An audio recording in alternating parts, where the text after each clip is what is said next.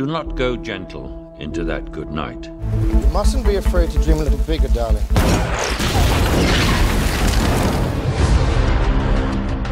Interstellar. Inception. Hallo en welkom bij Julius versus Jasper, de podcast waarin we elke aflevering twee films tegenover elkaar zetten en bedenken welke er moet blijven en welke er voor goed van de aardbodem verwijderd zal worden. En wij, dat zijn Jasper en ik, Julius. Hallo Jasper. Hallo. Uh, deze aflevering doen we twee films van Christopher Nolan. In het laatste nummer van het blad, dat uh, als het goed is nu in de winkel ligt, tenzij je dit uh, over een paar maanden hoort, staat een top 10 met alle films van Nolan tot nu toe gerangschikt. En dat was voor mij aanleiding om, om dus een paar weer eens te bekijken. En ik vond eigenlijk sommige best leuk om weer te zien. Ik was eigenlijk verrast hoe goed ik Memento en Insomnia en The Prestige vond. Uh, nu ik ze weer terugzag. Maar één film viel me echt ontzettend tegen. Dat was Inception. Die vond ik al niet heel goed. Maar die is ook nog eens heel lelijk oud geworden. En dat vind ik nu echt een slechte film. En een film die me uh, uh, erg meeviel was Interstellar. Die vond ik veel beter dan ik me herinner. dus vandaar dat ik zal Interstellar verdedigen en jij dan Inception, Jasper. Ja, zijn dat het meest logische twee films van Nolan om tegenover elkaar te zetten, denk je? Uh, ja, je zou in principe heel veel uit zijn oeuvre kunnen kiezen. Maar het zijn wel de twee films. Um, Inception was zijn eerste, zeg maar, blank check film. Hè? Door, door het succes van The Dark Knight mocht hij maken wat hij wilde. En, en nou, dan kwam hij met dat passieproject Inception, waar hij al heel lang ook uh, mee bezig was. Uh, in, in gedachten. En ja, Interstellar was een beetje. Er zat nog Dark Knight Rises tussen. Maar dat was dan toch een beetje de opvolger, de nieuwe film van de auteur Nolan. Ja, dus het lijkt me wel een logische om die twee tegen elkaar te zetten. Ja, en de aanleiding is natuurlijk. Nu lijkt het of de aanleiding is het stuk in Schokkend Nieuws. En daarvan is weer de aanleiding zijn nieuwste film. Tenet? Tenet? Ja. Tenet. Ik weet, ja. niet, ik weet niet hoe je het uitspreekt. Uh, nou ja, wat jij zegt, dat ken net. Uh, dat is de film die uh, de bioscoopervaring weer terug moet brengen. Dat is wat Christopher Nolan wil. Ja, dat lukt hem nu nog niet zo heel goed volgens mij. Want het, het lijkt erop dat die film misschien ook nog wel uitgesteld gaat worden. Ja. Nou ja, hij is in elk geval, en ik, ik, volgens mij zijn we het daar wel over eens. Hij is wel erg goed in uh, die bioscoopervaring. Hij is een van de weinige regisseurs die echt ook op cinematografisch gebied bezig is met. Um, het allemaal heel groots en overweldigend te doen. Veel meer dan, dan regisseurs die met Marvel en DC films bezig zijn. Hij, hij schiet op, op 70 mm en hij besteedt echt aandacht en hij, werkt met heel goede cinematografen. Um, en, en het werkt echt goed. En daar zijn Inception en Interstellar ook wel misschien wel de twee beste voorbeelden van in zijn uh, filmografie. Films die echt in een IMAX-zaal uh, overweldigend zijn. Ja, en ik, het was wel grappig toen het stuk werd uh, samengesteld. Ik kreeg, ik kreeg alle lijstjes van alle schokkend nieuwsmedewerkers van hun toplijst van Christopher Nolan. En er waren er toch een paar bij die even moesten zeggen dat ze Nolan wel echt een ongelofelijke overschatte uh, filmmaker vonden. um, nu denk ik ook wel een beetje dat het, ja, dat, dat het bijna logisch is dat hij overschat wordt. Want hij wordt heel erg gewaardeerd en dan kun je hem bijna niet onderschatten. Ja, precies. Er zijn ook mensen die het zeggen over Tarantino en over Anderson en over... Nou ja, ik word iedereen overschat. Ja, maar dat is, dat is hetzelfde als dat je The Godfather is een overschatte film. Ja, dat is bijna altijd zo. Omdat het een van de beste films ooit is, dan kun je hem... Dat, hij kan niet hoger dan dat. Ja, nee, precies. Er zijn dingen die zijn gewoon... Uh, sowieso overschat, om, omdat je altijd mensen hebt die zeggen dat die, die, die erin in doorslaan. Ja, en, en, en Christopher Nolan wordt dan gezien als hij maakt uh, ja, voor, voor velen is het dan... Hij maakt een soort van Michael Bay-films, want het zijn hele grote, bombastische films waar, de hele, waar, waar een hele grote doelgroep naar de bioscoop trekt.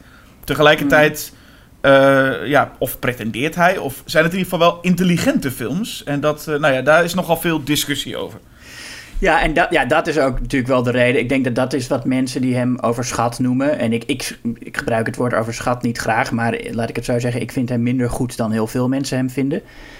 Um, maar ik denk dat die, de, de reden dat het zo lekker is om hem overschat te vinden, is die pretentie van heel groot, uh, intellectueel, ambitieus zijn. En het feit dat de mensen die hem inderdaad een bijzonder intelligent filmmaker vinden, vaak een bepaald type cinefiel is, um, waar het, wat, ook wel lekker is om op neer te kijken voor veel mensen. Weet je wel, van die, beetje van, van die bros die dan... eh, die, die, Boon- eerst Boondock Saints en, eh, en, en Pulp Fiction en Inception. En zo, weet je wel, zo'n soort lijstje. Nou, Inception is wel het, het goed voorbeeld. Het is wat je zei, dat hij na The Dark Knight mocht hij dus eh, een, een soort passieproject... wat hij in 2001 eigenlijk al wilde maken. Maar hij ook bij zichzelf dacht, ik moet nog even wat, wat grotere films gaan hebben gemaakt. Nou, na The Dark Knight mocht hij, wat je ook al zei, alles maken wat hij wil, volgens mij. Eh, en toen kwam hij dus met Inception, een, een film waarbij ik me inderdaad afvraag hoe de eh, pitch geweest was. Want nou, meestal zitten er toch studiomensen eh, die volgens mij in een paar zinnen willen horen waar gaat het over. Je, je vraagt je even af van hoe, hoe, ja, hoe diep is hij gegaan bij die pitch? Of heeft hij het gewoon heel simpel kunnen nou ja, formuleren? Ik denk dat hij gezegd heeft: ik maak een kruising tussen Total Recall en Paprika, die animefilm. Eh, maar dan zonder fantasie en humor en veel dommer. Ja, als je dat zo zegt, dan denk ik dat studio mensen met geld gooien. Absoluut. Nou, maar dat, dat is toch de pitch? Dat is wat het is. Dat is misschien wat het is. Nou, ik gok, want ik, voor, zoals ik Inception een beetje zie, hij heeft volgens mij gewoon gezegd: ik ga eh, een Mission Impossible film maken.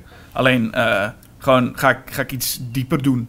Dat is voor mijn gevoel is, is Inception een beetje een, een, Mission Impossible. Alleen Ja, nou, in, in Mission Impossible heb je wel leuke personages. Ethan Hunt is, vind ik echt een leuk personage. En ook die, die Simon Pegg erbij, weet je. Eh, Dat, dat zijn wel mensen die ook leuke banter met elkaar hebben. En dat heb je in Inception niet. Ehm, nou ja, om te beginnen, laten we eens beginnen met de naam van eh, Leonardo DiCaprio's personage. Laten we eens beginnen met, met hoe hij heet en hoe zijn vrouw heet. Je, dan krijg je een, een film met eh, Domkop en zijn, en zijn vrouw Mal. Ja, Mal, kop. En Mal, dat is ook Frans voor slecht. En zij is ook een Franse vrouw in de film. Dus dat is ook wel wat raar. Eh, maar ja, Dame Cab. Wat, dat is, het, het klinkt al... Het is gewoon... Ook, ook zonder wat het betekent, is het een domme naam. Wie, wie heet er nou... Wie, wie noemt nou een personage Cab? Ja, maar het is ook zijn, Dat doe je niet. het is zijn bijnaam, Maar- toch? Hij heet eigenlijk Dominic. Ze Ja, Dominic, Dominic, Dom. maar goed, maar, de- maar an- dan nog. En wat het is, volgens mij is Nolan zich er bewust van dat het eh, in het Nederlands domkop betekent en in het Duitse doemkopf. Volgens mij is dat echt een bewuste verwijzing, want hij heeft ook een personage Ariadne genoemd, Ellen Page, naar de, de Griekse mythe waarin zij het, eh, in het labyrint zit. En zij is een doolhovenmaakster. dus je, je ziet dat hij met die namen bezig is. Volgens mij is hij zich echt bewust van dom en mal en kop, wat dat betekent. Ja, precies. En dat, dat maakt het nog erger. Het is wel leuk. Ik had ook in mijn aantekening kon ik ook steeds eh, eh, zetten als, het- als ik weer iets zag, kon ik er neerzetten van, oh, nu krijgen we weer een hoop mal gedoe. Ja. Want dat zit wel veel in de film. Maar wat ik net zei over dat Mission Impossible, ik denk namelijk dat de film, ik, ik, ik heb veel mensen gehoord die de film dan gezien hadden en achteraf zeiden, oh, ik, ik snapte hem niet helemaal. Wat ik ook heel begrijpelijk vind, dat mensen kunnen zeggen aan het einde van de film, ik begreep niet helemaal wat er gebeurt. Maar de basis is vrij makkelijk uit te leggen. We hebben eh, Domkop en zijn team. Die moeten iets doen wat eh één keer eerder is gedaan, maar wat heel moeilijk is. En dat is gewoon hun een last job. Dat is letterlijk wat Domkop ook heeft. Hè? Een soort van, ik ga, Ja. nog één, ik ga nog één job doen en dan ben ik eruit. En dat is, eh, dat is zoals de film dan zich ontwikkelt. Ja, en nou ja, goed, je zegt dat het moeilijk te volgen is. Daar wil Christopher Nolan wel eh, eh, je bij helpen. Want alles wat er gebeurt, legt hij tien keer uit. Volgens mij, Christopher Nolan vindt dat iedereen zich slim moet kunnen voelen omdat ze het snappen. Dus als je er even niet bij bent, zegt hij... nee, kijk, we zitten nu in, het, in, in, in die laag van het bewustzijn. We zitten nu in die syndroom. En daarvoor heeft hij ook het personage van Ellen Page, Ariadne... die de hele tijd eh, eh, aan iedereen vraagt van... waar zijn we nu? Eh, wiens, bewust, wiens, wiens onderbewustzijn gaan we nou in? Alsof zij dat niet zou weten. Ja, zij, heeft, dus- zij heeft de rol van, van Keanu Reeves in The Matrix. Dat hij de hele, de hele Ja. tijd maar vragen van wat, wat gebeurt er nu? En dan kan iemand meteen antwoorden wat er gebeurt. En bij Keanu Reeves was het nog logisch, want dat is iemand die echt geïntroduceerd wordt in een nieuwe wereld waar hij niks van snapt. En Ariadne, die ja, wordt in die droomwereld wel geïntroduceerd, maar zij is een architect. En dan moet Joseph Gordon-Levitt haar uitleggen eh, van, oh, we gaan nu naar wat, eh, wat, eh, wat op, op de Penrose-trap lopen. En zie je, dat, dat kan helemaal niet, zo'n trap. Dat kan niet, hè? Dat zit, zit hij zo uit te leggen aan een, aan een architect. En volgens mij zit daar ook dat Nolan inderdaad met Ellen Page eigenlijk een personage heeft die gewoon de kijker moet zijn. Of in ieder geval, dat is onze manier om achter informatie te komen. Maar dat het hele team wel moet bestaan uit experts. En daar kom je altijd op een, op een moeilijk punt. Dat je denkt, gaan we nou de expert iets uitleggen? Eh, dit zit ook in Interstellar overigens. Maar volgens mij krijg je dat heel Ja. snel. Dat je een team met experts moet hebben. En die gaan elkaar dan het uitleggen. Terwijl je denkt, dit weten jullie toch allemaal? Ik voel ook heel erg dat die scènes allemaal... Eigenlijk Ellen Page was er wat mij betreft niet. Dat waren gewoon wij. Dus je zag gewoon dat eh, Arthur was voor ons dingen aan het uitleggen. Ja, maar dan nog vind ik kijk, dat je dat dan, dat je dan aan een architect uitlegt waarom zo'n trap niet kan. Dat is, dat is nog wel. Als zij hem het had uitgelegd, dan had ik het logischer gevonden. Als zij had gezegd van, oh, ik ga paradoxale architectuur eh, maken in die dromen. Kijk maar, dat gaat zo. Ken je de Penrose trap?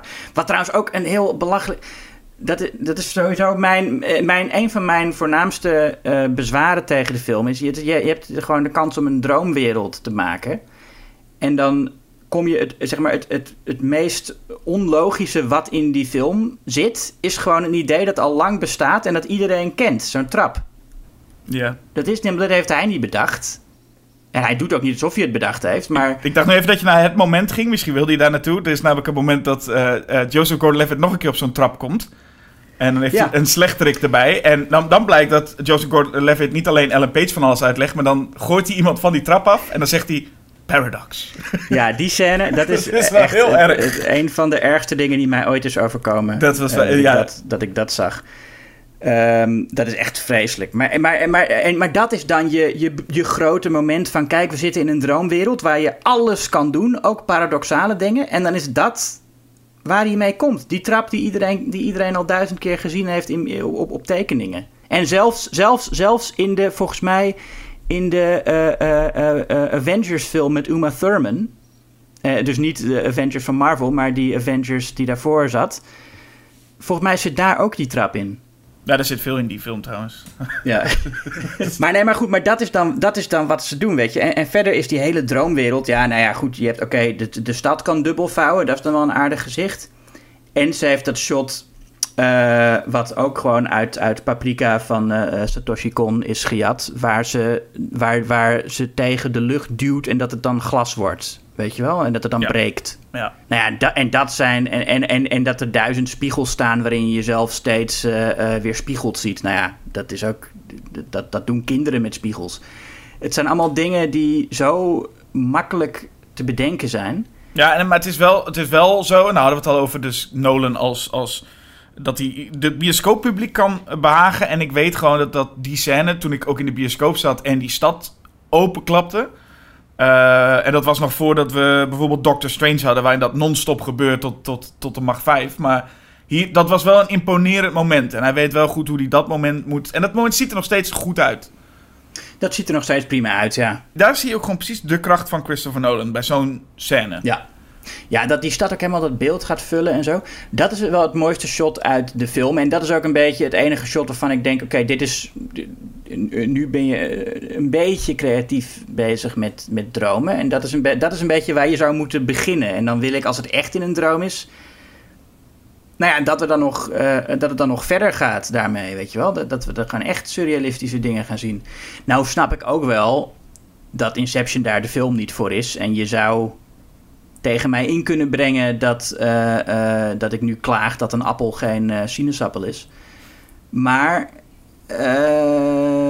ik vind eigenlijk dat die film best wel mij een droom belooft. Aan het begin, als, als gewoon uitgelegd wordt wat ze gaan doen en hoe ze in zijn onderbewustzijn gaan rondkijken.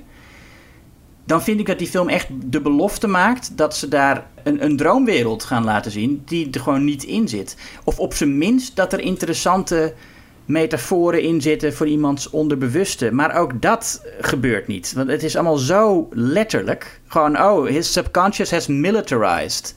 En dan rennen daar gewoon ma- mannen met, met wapens rond. Ja, dat, klopt inderdaad. Wat, wat volgens mij vooral beloofd wordt, is meer het idee. De, de film opent met eh, Domkop die zijn, met zijn team dromen eh, gaat stelen. Ja. En dat doet hij bij eh, Ken Watanabe. Eh, en dan krijg je meteen in de openingsscène al de droom in een droom. Dus daar laten ze meteen in de openingsscène zien: kijk, we gaan al dieper. En de hele film belooft eigenlijk de, eh, Inception de, in de titel. Dus eigenlijk iemand, je moet een idee in iemands hoofd planten. Mm. En dat is schijnbaar heel gevaarlijk, heel, heel lastig. Je kan er van alles misgaan. En ik wil het helemaal niet doen, zegt Domkop ook, totdat hij de taak krijgt, eh, of de te horen krijgt dat hij zijn kinderen misschien weer kan zien. En dan zegt hij: Oké, ik ga het doen en we gaan een team samenstellen. En dat alles valt voor mij geheel in zo'n typische heist setup eigenlijk. Van we gaan iets doen wat mogelijk gevaarlijk is. En eh, de fantasiedingen die komen bijna voor mij bijna uit de lu- Het is bijna de als de stad dubbelfout dat ik even uit die Mission Impossible film word getrokken met oh ja we zijn we zitten in een droom. Dat was ik helemaal vergeten. Ja. Maar eh, dat is wat ik vooral aanzie. Dan noem ik ook Mission Impossible voornamelijk als voorbeeld, omdat ik vind het helemaal geen droomachtige film. Inception. Nee. Het had, had net zo goed op een paar punten na. En dat is wat de film ook doet. Hè. Je, je krijgt die stad die, die openklapt. Heel mooi stuk. Ik vind zelf het gevecht met eh Joseph Gordon-Levitt in, de- in het hotel... los van die, die paradox, maar dat hij daar zweeft... eh, vind ik een goed geschoten, mooi geschoten eh, scène. Ja. En, en, en dan, maar dan komt hij in de, in de grote derde laag en dan zit ze in de sneeuw. En dan denk ik ineens, wat, waar zijn we nu dan? Dan zijn we in de sneeuw op sneeuwscootertjes aan het rondscheuren en aan, op skis aan het schieten. En dan dacht ik, ja, oké, daar verwachtte ik wel een extra laag. Maar hij heeft al het indrukwekkende voor mijn gevoel al laten zien. En dan blijft er niks over voor die laatste, het laatste stuk, zeg maar, in de sneeuw. Het, het, voelt als kruid verschoten. Ja, ja, nee, precies. Terwijl je, ja, je zou zoveel kunnen bedenken daar. En kijk, als ik bijvoorbeeld neem een film als Total Recall of neem Total Recall, daar zit ook niet echt droomlogica in of zo, of heel surrealistische dingen. Maar dat is wel een film die gaat over dat het iemands droom is om een soort science fiction actieavontuur te hebben. Ja. Maar ook dat zie je hier niet. De reden dat het een actieavontuur is, is omdat ja, dat gewoon de manier is waarop Christopher Nolan een gevaarlijke omgeving vorm kan geven. Ja, want de, de film zoals Total Recall heeft, is, is ook qua toon heel anders. Deze film is ook qua toon. Het zijn een hoop mannen in pakken die aan het praten zijn. Dat is een groot deel van deze Ja. film. En, Ja. en de film voelt ook, is, is ook heel grijs en saai eigenlijk eh, visueel. Het is mooi geschoten vaak wel, maar het is wel gewoon een grauwe... Ik bedoel, ze zeggen het vaak van de Marvel films, dat ze er zo saai en grauw uitzien eigenlijk. Maar Mhm. deze film is, is echt letterlijk gewoon... eh, ja, die, de, volgens mij de kleuren van de, de mannen hun pak. Dat is de kleur die je eh, alleen maar ziet. Ja, nou, er zitten een paar. Ik vind er een paar leuke. Ik vind het begin dat ze op het strand en dat, ze dan, en dat hij dan het gebouw ingaat waar eh, wat erna zit. Dat, dat vind ik mooi. Maar het is inderdaad echt een behoorlijk grauwe film. En, en, en hij is geschoten door Wally Pfister. Wat een van de. Ja, toch wel een van de beste cinematografen in de blockbuster-wereld is, denk ik. Begonnen met, eh, met soft sex films voor, het, eh, voor, voor Playboy. En later heel veel met Christopher Nolan gedaan. Voordat hij ingeruild werd eh, voor de Hoyte van Hoytema. Ehm, maar nou, ik ben het wel met je eens. Ja. De- de- hij, hij schiet het mooi, maar ontzettend grauw. Ja. En wat ik dus heel erg voelde, en dat heb ik in beide films, en misschien veel van, film, van Christopher Nolan's films, is dat zo. Eh, er zit dus enorm veel uitleg in. Hij, heeft, hij, is non-stop Ja. via personages dingen aan het uitleggen. Het zijn, maar ik, ik, voor mij voelde het altijd als. eh, ik was ook niet echt aan het opletten, als ik heel eerlijk ben, bij die scènes. Zijn, die- die- Nee, dat is het. Je hebt die uitleg nodig omdat, omdat je niet oplet. Omdat Christopher Nolan je geen reden geeft om op te letten. Want de personages zijn saai. Ja, maar het is wel zo dat ik dat bij een Mission Impossible film eigenlijk ook nooit doe. Er zit altijd in een Mission Impossible film zo'n scène waarbij eh, Ethan Hunt met Simon Pegg even, dan zijn ze even aan het ouwe hoeren over, oké, we moeten nu de, de USB-stick en dit, dit, deze disk moeten we even daar eh, brengen en die stick moet daarin en dan moet je dit doen. Dan denk ik ook altijd, ja, lul maar even lekker. Ja, Eh, maar dan, maar dan doet het er ook niet echt toe. Ik bedoel, als, je het, als we het hebben over dat soort technobabble in die Mission Impossible films... dan is het zo, dat, dat maakt het helemaal niet uit wat het is. Het is nee, het, maar het doet er wel toe. Dat is meer van, het, Nee, maakt ja, het, doet, het maakt niet uit wat het is, maar het doet ertoe. Dat Is Precies. En je denkt dan gewoon van, nou, ga maar lekker door. En doe dan uiteindelijk maar wat je moet doen. En dan geloof ik wel dat als Tom, Cru- Tom Cruise op een wolkenkrabber klimt, dat dat de bedoeling is. Want anders, er is geen andere... Hij zal net wel uitgelegd hebben Ja. dat er geen andere reden is. Hij moet door het raam. Maar deze film doet dat eigenlijk ook. Alleen ik merkte dat deze film dat, nou ja, best wel veel doet. Eigenlijk het eerste uur zit vooral vol met dat soort op dingen opzetten. En ja, maar je kunt niet dit in een droom doen. Ja, het kan wel, maar dan gebeurt er dit. Ja, maar dan kan er misschien dit gebeuren. En dat ik gewoon denk, ja, ga nou maar naar dat moment toe en dan zien we het wel. Ja, en, maar ik denk dan de hele tijd, maar, maar hoezo dan? Weet je, want dat is wel het verschil. Als het gewoon iets technisch is of iets met computers. Ja, een computerexpert kan dan zeggen van... oh nee, maar dat klopt helemaal niet. Maar ja, dat, dat weet ik dan niet. Maar als je zegt van... oh, maar zo werkt dat in dromen... Je geest is niet zo letterlijk. Het is niet als, als levels in een, in, een, in een computerspel. Wat Nolan er wel van maakt. Hij maakt echt een soort videogame van je, on, van, van je onbewuste. Ja, maar ook die gekke, of, of gekke droomwerelden of wat dan ook, dat zit er ook niet. En dat zie je in de openingsscène eigenlijk al, dat uh, een architect en dat zij op een of andere manier een echte situatie. Je moet namelijk een echte situatie zo realistisch mogelijk neerzetten. Want degene Mhm. die nou, in wiens droom je zit of degene die je moet hebben, die mag niet merken dat het een droom is. Dus daarom krijg je ook Ja. zelf dat moment dat Ken Watanabe op het tapijt valt en dan aan het tapijt voelt, ja, dit, is een andere, ander soort tapijt. Ik zit in een droom. Dus eigenlijk daar zit het hem in. Ja, als er dan eh eenhoorns voorbij vliegen, dan, dan heeft hij het waarschijnlijk ook wel door. Mhm. Maar dat is ook weer zo letterlijk. Want kijk, dan is het van. Je, geheugen werkt ook niet zo dat je hele eh, eh, omgevingen en steden eh, en voor je kan zien en precies weet hoeveel lantaarnpalen er op zo'n brug staan. Zo herinneren wij ons dingen niet. Dat zit niet zo in je hoofd. Maar in, maar in Inception is dat wel zo. En toen die film uitkwam, toen zeiden mensen: Wauw, wat, wat, wat goed. Een, een, een heistfilm over je onderbewuste. Maar dat is helemaal niet zo, want het is gewoon het onderbewuste als computerspel. Het is gewoon level voor level. Het heeft niks met het onderbewuste te maken. Nolan verletterlijkt alles tot het helemaal herkenbare werkelijkheid is. Ja, ja wat, wat dat betreft vergeet je heel vaak, ook al is het het belangrijkste onderdeel, maar je vergeet eigenlijk heel vaak dat het überhaupt over dromen gaat. Ja, het enige wat daarin herinnert is dat concept eh, uit, uit domkopsgeest dat zich steeds opdringt, namelijk malkop. dat is, en, en dat is potentieel interessant, maar dat vind ik ook niet goed uitgewerkt. Zolang we die namen maar kunnen blijven noemen, dat is wel leuk, hè? Ja. Als we het over Domkop hebben, laten we even zijn team. Zijn team is dus, bestaat dus uit eh, Arthur, Joseph Gordon-Levitt. Valt ook niks anders over te zeggen dan dat het Joseph Gordon-Levitt is. Ehm, ja, ik krijg helemaal niks te doen. Nee, Arthur is gewoon Arthur. Die, ja, hij legt uit. Dat is zijn taak. Hij ja, zit dat altijd is zijn rol als uitleggen, ja. Eh, dan heb je inderdaad de student Ariane, Ariadne, die, ja, die eh, is, heeft ook een, een duidelijke rol. Dat is het aanhoren van al die... eh, eh, ze krijgt nog aan het einde wel een... Want ik dacht echt de hele film door... Krijgt ze nou echt niks anders te doen? En aan het einde krijgt ze toch wel iets belangrijkere rol... binnen dat hele... eh, de, de, nou ja, hoe het zich uiteindelijk afspeelt met, met Domkop en, zijn, en, en Malkop. Ja, en, en, en dat ze dan Ariadne heet, dat moet even laten zien dat Nolan een intelligente film maakt door te verwijzen naar Griekse mythologie. Ja, dus Domkop en Ariadne eh, gingen, eh, gingen een eh, limbo in. Maar en, en, en, ja, je, je merkt ook al dat zij vrij snel gefixeerd is over wat er nou precies met Dom en Mal aan de hand is. Want het, is nou, het, is nou, het is zelfs zo mal dat als je in een droom zit, er ineens een trein binnenrijdt. En dat, dat kan Mal doen. Dat vond ik ook een heel iets geestigs inderdaad. Zit midden in actiescène en dat op een of andere manier Mal schijnbaar een soort van trein bestuurt. Of in ieder geval, ze zitten niet letterlijk achter het, achter het stuur. Maar Ja, en, en, dat- maar dat soort dingen ga je dan afvragen. En dan zou je ter verdediging kunnen zeggen: ja, maar het is een droom, dus dat kan allemaal. Maar we hebben al gezien dat dat niet zo is. Dat, het allemaal, dat een droom veel meer op de werkelijkheid lijkt dan in het echt. Nee, maar dat is inderdaad, zo zet Nolan ook de film neer. Dat je niet, eh, hij zal zich ook nooit zelf verschuilen achter, ja, het is maar een droom. Dat Nee. merk je wel. Eh, misschien iets te veel zelfs. Dan heb je nog Ames, het personage van Tom Hardy, de vervalser. En ik heb Ja. het gevoel dat Nolan hier, want Nolan is ook niet heel goed met humor. En Nee. eh, eh, er zit weinig in deze film, maar hij probeert af en toe. Het lijkt een beetje als iemand die dat niet helemaal begrijpt, maar die probeert af en toe tegen Tom Hardy te zeggen: Oké, als jij nou af en toe met eh, Arthur kibbelt, dan hebben we ook wat humor. Het, Ja, werkt, het en- werkt alleen niet echt. Ik bedoel, als je nou een, een Simon Peck en Ethan Hunt, wat je bijvoorbeeld noemt. Ik weet niet waarom ik Ethan Hunt zeg en niet gewoon Tom Cruise, maar. dat, dan heb je. je de naam van Simon Pegg's personage niet weet.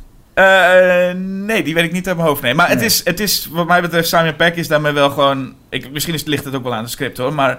Eh, het zijn niet echt komische acteurs en ze krijgen zodanig niks te doen dat dat gekibbel ook niet echt werkt. Nee, nou, ik, ik vind Tom Hardy eh, leuk omdat, het, omdat hij gewoon een leuke acteur is en dat mooi speelt. Maar hij heeft inderdaad niet echt, er zijn niet echt memorabele gesprekken tussen die twee. Het enige wat ik me kan herinneren, eh, of wat me een, een beetje bijstaat, is dat eh, Eames een, een, zegt Dream a little bigger, darling. En dan een groter geweer tevoorschijn haalt. Ja. Ja, kom op.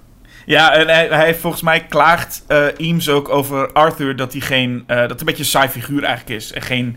eh, hij heeft geen imagination. Dat is wat Ames eigenlijk... Nou wat dat betreft is, is Arthur Christopher Nolan. Nou, Michael Caine zit ook in de film, maar dat hoeven we niet eens meer te benoemen. Want Michael Caine zit natuurlijk in die film. Heeft ook niks te doen. Is gewoon de, de man die Ariadne eigenlijk voorstelt aan Domkop. En... Ja, en, en de vader van Mal. Oh ja, hij, is, oh ja hij, is, hij heeft een dubbelrol. Hij is ook de vader van Mal, inderdaad. Zodat hij aan het einde even ook erbij mag staan. Ja, wat, wat nog raarder maakt dat Mal een Frans eh, accent heeft. Maar ja, dat, dat zal wel. dat zal dan wel. En, en als laatste hebben we nog eh Yusuf. eh, gespeeld door Dialip Rauw. Die moet toch ook zijn naam eens noemen, want anders krijgen we alleen maar van die dat je die bekende mensen gaat benoemen.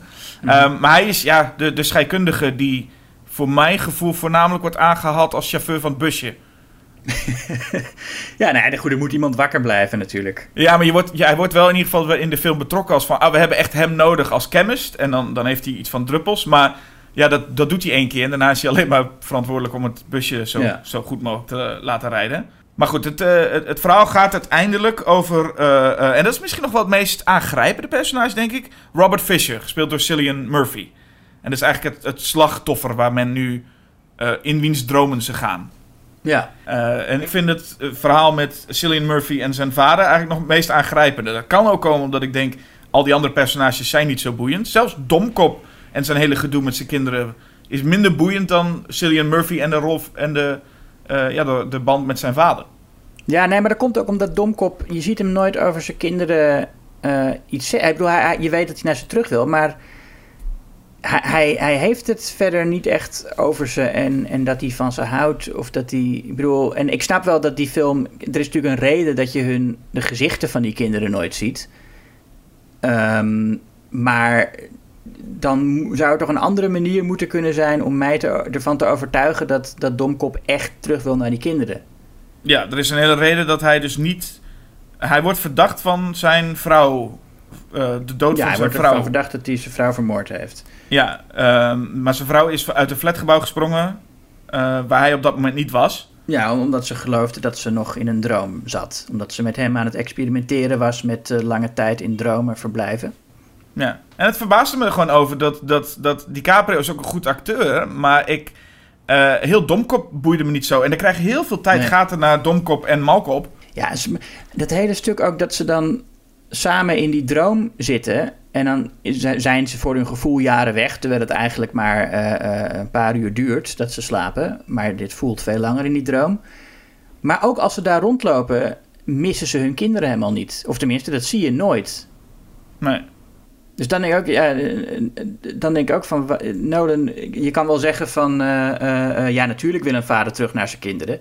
Maar ik vind dat ik dat ook wel wat meer moet voelen. Ja, en wat een van de redenen is, dat jij, je zei net ook al, dat Ames, eh, het personage van Tom Hardy, misschien wel de leukste was. Dat had ik zelf ook een beetje, dat het een van de leukere figuren was. Eh, maar dat komt volgens mij ook omdat we van hem als enige echt te zien krijgen dat hij goed is in wat hij doet. De andere personages hebben... eh, Yusuf, ja, die heeft een middeltje en die bestuurt een busje. Arthur, die... Ik weet eigenlijk nog steeds niet wat hij nou eigenlijk doet... en waar hij nou goed in is, behalve uitleggen. Ehm, en, van, eh, en, en eigenlijk van Domkop zelf ook niet. Hij schijnt het beste te zijn... en hij schijnt het allemaal heel goed te kunnen... maar ik zie hem nooit echt heel veel dingen doen waarvan ik denk... wow, deze man is eh, echt enorm goed in wat hij doet. Maar alleen Ames, die dus kan vervalsen... en ook dus in mensen kan veranderen om zo mensen Ja. om de tuin te leiden. Dat is het enige waarvan we echt letterlijk steeds dingen zien die hij doet, die ook effect hebben. Eh, en, en dat je dat van je hoofdpersonage, in ieder geval ik, niet echt meekrijgt, is ook wel een gemis. Ja, Want Domkop wordt wel neergezet als de man die als enige het ooit heeft, de eh, Inception heeft gedaan. En de man die alles weet. En de man die, eh, nou ja, bijna excentriek is. Zo wordt hij een beetje neergezet. Maar hij is eigenlijk gewoon heel saai en ik zie hem nooit echt iets doen. Als hij aan het einde van de film, het, het- als het gehaald is, heb ik ook nooit echt het gevoel van, nou, dat heeft Domkop toch even gedaan. Dat is toch echt duidelijk een, niet zijn succes, Nee. voelt het in ieder geval. ja. Maar ja, dan mag je uiteindelijk terug eh, naar, zijn, naar, naar, naar zijn kinderen. En dan, eh, dan komt dat tolletje, hè? Daar komt het tolletje. Ik vind het trouwens wel fijn. Daarvoor zit nog even dat, eh, dat typische Ocean's 11 Mission Impossible moment. Dat hij eh, even afscheid moet nemen. Maar dan neemt hij niet echt afscheid. Dan loopt hij even langs alle mensen die hem geholpen hebben in het vliegveld. Die en die kijken allemaal even om. En die knikken even naar hem of geven even een knipoogje. Eh, En that's it. Maar ik moet wel zeggen dat ik het fijn vond dat het... Ik dacht dat de film daar misschien ook heel lang ging zijn. Maar hij is daar wel echt lekker to the point, dat einde. Ik vind het wel fijn dat ja, dat, hij, lekker... hij, rond, hij rond wel lekker snel af, inderdaad. Daar was ik heel Ja. blij om. Dat had ik niet helemaal verwacht. Eh, het is fijn dat Nolan gewoon lekker snel afrondt. Eh, Want in één keer is Domkop thuis. Ja, en, en dan, dan heb je dus dat tolletje waar iedereen... eh, en het was zo gek, want iedereen vraagt zich de hele tijd af van... ja, gaat het tolletje nou vallen of niet? Eh, en dat vragen ze heel vaak aan Christopher Nolan. Ik vind het zo raar dat Christopher Nolan vergeten is dat in die film eh, op te nemen. ik, ik weet niet wat er aan de hand was. Misschien was de 70 mm eh, film was op of zo. Dat hij niet gewoon even, de, even die laatste secondes heeft kunnen filmen dat het tolletje omvalt. En volgens mij moest van de studio de film mocht niet langer worden. Dus toen dacht hij, nou, ja, de knip, dan, waar moet ik nou wat afknippen? Nou, dan knip ik hier wel wat af. Ah. Dus het makkelijkste toch aan het einde, weet je wel. Dan gaan we iets eerder naar die credits. Ja, Michael Caine die zei een keer in een interview eh, dat dat dus geen droom was, omdat hij gehoord had dat alle scènes waar hij in zat realiteit waren. Dat had Nolan aan hem verteld. Ja. Dus, eh, maar ja, dat is natuurlijk onzin van Michael Caine, want het, dat zit helemaal niet in die film, die informatie. Die film is gewoon, ja, eh, dat tolletje draait en, en, we, en we weten het niet. Dat is het hele punt. En al die mensen die dan gaan vragen van, maar valt hij nou om of niet? Die, die, die weten gewoon niet zo goed hoe ze een film moeten kijken, denk ik. Het is een beetje hetzelfde effect als eh, wat John Carpenter altijd krijgt met The Thing. Wil iedereen ja. ook altijd Ja. weten van, ja, maar hoe zit het nou? En, en volgens Maar mij... waarom zou John Carpenter dat weten? Hij heeft er bewust voor gekozen dat niet in die film te stoppen. En Nolan heeft er hier bewust voor gekozen. Dus hij is de laatste persoon die het antwoord aan jou zou geven. En hij, hij, hij mag het ook helemaal niet geven. Hij, hoezo zou hij dat weten? Nou, Nolan heeft ook echt zijn zin wat dat betreft. Want iedereen praat erover en, en, en denkt erover na. Maar het zou ook heel kut zijn als je dan... Dan ga je naar Christopher Nolan toe. Je zit heel lang met vrienden en met familie, heb je erover gepraat. Dan ga je naar Nolan toe, je vraagt het aan Nolan. En Nolan zegt dan, nee, het is nog steeds een droom. Dan denk je toch... Ja, oh, nee, precies. Ja. oh nou, nou, nou kan ik de film goed waarderen. nu, nu kunnen we er lang over doorpraten. Nee, dat, dat is... Ja. Ik weet niet zo goed wat je als antwoord wil wat bevredigend is. Ja, nou ja, het antwoord dat hij volgens mij wel eens gegeven heeft... is dat het, het, het punt is dat het, niet, dat het voor, voor Domkop niet meer uitmaakt. Oh. Ja, oké. Ja, nou, dat is wel bevredigend, ja. Ik snap wel dat de manier hoe Christopher Nolan dan films maakt... en ook deze hele film in elkaar zit... dat je ergens wel je af kan vragen... had ik het kunnen weten? Of zou ik het kunnen weten? Weet je wel, zitten er ergens hints verstopt dat ik het wel... eh, weet je wel, dat hij zegt... ja, dat is toch duidelijk, zit helemaal in mijn hele film. Moet je goed kijken, dan zie je dat het antwoord wel gegeven wordt. Ik snap wel dat mensen dat denken. Ja, maar dat lijkt me heel flauw als dat eh, zo is. Ja, het is volgens mij ook niet zo. Het is volgens mij echt Nee. een kwestie van Nolan speelt hier. Dat zie je ook duidelijk, zo'n shot. Het, het, het gaat op dat tolletje eh, wo- wordt ingezoomd en dan, dan knipt hij naar zwart. Dat weet je ook. Maar de manier waarop Nolan films maakt, snap ik wel dat je snel ook je af kan vragen. misschien heeft hij er toch wel antwoord op en heeft hij het allemaal verstopt en vaag gedaan. Eh, ik, ik denk dat dit gewoon juist een, een goed speelsmoment is. Gewoon om lekker daar weg te knippen en klaar. Re- Ja, nee, tuurlijk. Gewoon red je er maar mee, dat zegt hij tegen het publiek. En dat is toch fijn? Oh. Eh, ja, dat is wel eens. Dat is, eh, er is, ja, dat is een van de weinige momenten dat Nolan niet ons, ons handje vast wil houden. En je zou En bijna dat verwachten dat, dat Arthur nog even in beeld kwam. Ja, nee, met Ellen Page. En dat Ellen Page vraagt van, wat, wat, wat, wat, gebe- is, wat gebeurt hier nou met het tolletje? En dat Arthur Ja. nog even gaat uitleggen. Maar dat is natuurlijk ook de reden dat dat aan hem steeds eh, eh, gevraagd wordt. Hè? Kijk, niemand vraagt aan David Lynch van... oh, maar in Mulholland Drive, eh, als die gast achter dat muurtje verschijnt... wat is daarmee aan de hand? Hoe kan dat nou? Is dat een droom of niet? Of Niemand vraagt David Lynch om zijn films uit te leggen... omdat, omdat dus allemaal snappen dat, dat, dat, hij daar, dat hij dat niet gaat doen... omdat hij dat in die films ook al niet doet. Maar Christopher Nolan legt elke stap alles uit. Dus als je een keer iets niet uitlegt... is het eigenlijk hartstikke logisch dat mensen die eh, eh, met hem meegingen... denken van ja, maar hoe, hoe zit dit dan? Ja, ik geloof zeker dat zo is. Ik denk alleen wel dat er ook nog verschil is als David Lynch films worden gezien door het grote publiek dat Nolan films kijkt. Of het dan nog steeds zo is. Ik denk dat als je een David Lynch ja. film kijkt, je ook minder snel geneigd bent om dat soort vragen te stellen. Eh, en ja, Nolan heeft natuurlijk gewoon een heel breed publiek. Hè? Iedereen gaat er bij wijze van spreken naartoe, kunnen we zeggen. Ja, En misschien dat, eh, dat, dat er ook mensen tussen zitten die het wel willen weten. Er zijn ook mensen die uit, uit Inception kwamen en zeiden... wat een moeilijke, vage film. Er zijn mensen die zeiden wat een pretentieus gelul... of wat een simpele film. Eigenlijk alle reacties krijg je dan. ja en, en door dat brede publiek is het ook gekomen dat Inception een soort plaats in onze cultuur heeft ingenomen waar eh, de, de, de taal zo heeft beïnvloed dat elke keer als ergens een ding in een ding is, dan zeggen mensen dingception. Weet je, elke keer als je... Vroeger zeiden we nog droste-effect. Mhm. Maar nu is dat allemaal eh eh, eh, Inception geworden. Ja, En vind ik ook vervelend. net als de, de, de, de, de hoorn van eh, Hans Zimmer eh, ook een ding Oh, is, ja. een meme is geworden dat iedere keer als er iets gebeurt. En natuurlijk heeft het letterlijk ook in heel veel filmtrailers is die, is die hoorn steeds geweest. Maar dat werd dan de Inception hoorn genoemd. Ja. Ehm, maar ook dat, en, en, en deze film is heel vaak, ja, in, in heel South Park heeft een, een aflevering aan gewijd. En het is, het is veel teruggekomen. Dus dat krijg je een beetje met van die hele grote successen. Ja. Dan gaat een groot publiek ermee aan de haal en dan krijg je foute dingen, Julius. Nou, niet, niet altijd, eh, Jasper. Laten we niet al te elitair doen. Nee, dat is goed. Eh, laten we dan, mag ik dan elitair gaan doen over Interstellar? Ja. Jee, oké. Schiet maar. Nou, Interstellar vi- vind ik dus eh, de betere film. Ehm, ja, wat zou ik erover zeggen? Nou, dit is Nolan op zijn meest sentimenteel. En ik vind hem eigenlijk verrassend goed in sentiment. En het is sentiment en het is drakerig en grotesk. Maar eh, het, het heeft wel op momenten het beoogde effect. Eh, het is ook een, een ehm, ja, humanistisch is misschien niet het goede woord voor die film.